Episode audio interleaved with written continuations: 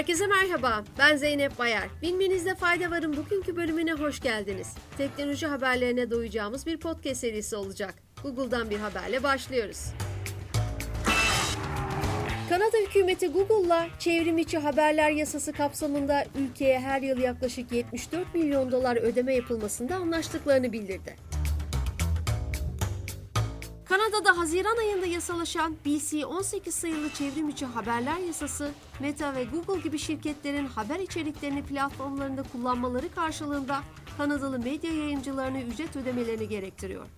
Kanadalılar Meta hesaplarındaki yerli ve yabancı medya kuruluşlarının haber içeriklerine erişim sağlayamıyor.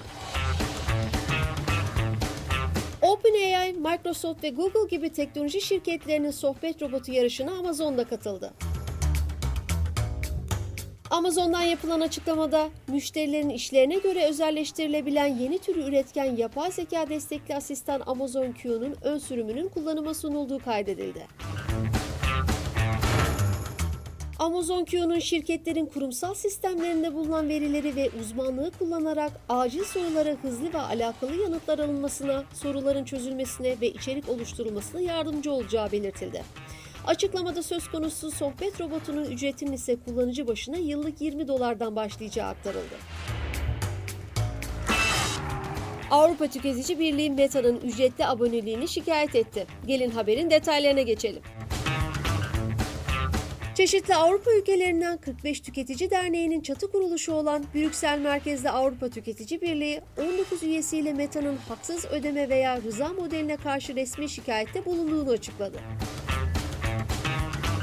Kısaca bir hatırlatma yapmamız gerekirse Meta, Avrupa'daki kullanıcılara Facebook ve Instagram'a reklamsız erişim sağlamaları için aylık abonelik seçeneği sunmaya başlamıştı.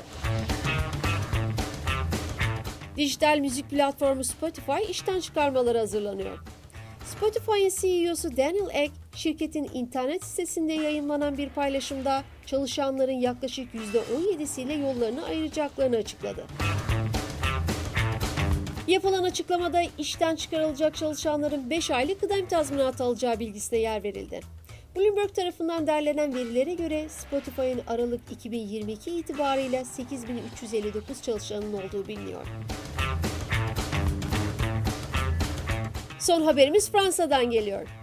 Le Figaro'nun haberine göre Başbakanlık ofisinden servis edilen genelgede Fransız hükümet temsilcilerinden Telegram, WhatsApp ve Signal gibi mesajlaşma uygulamalarını telefonlarından silmeleri istendi.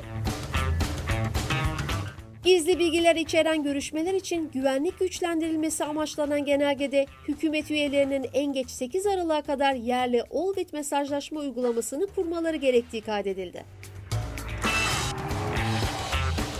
Genelgede Olbit uygulamasının Ulusal Bilgi Sistemleri Güvenlik Ajansı'ndan birinci seviyede güvenlik sertifikası alan tek uygulama olduğu belirtildi. Olbit yazılım şirketi 2019'da iki Fransız siber güvenlik uzmanı tarafından kurulmuştu. Bugünlük bu kadar. Cuma günü tekrar görüşmek üzere. Hoşçakalın.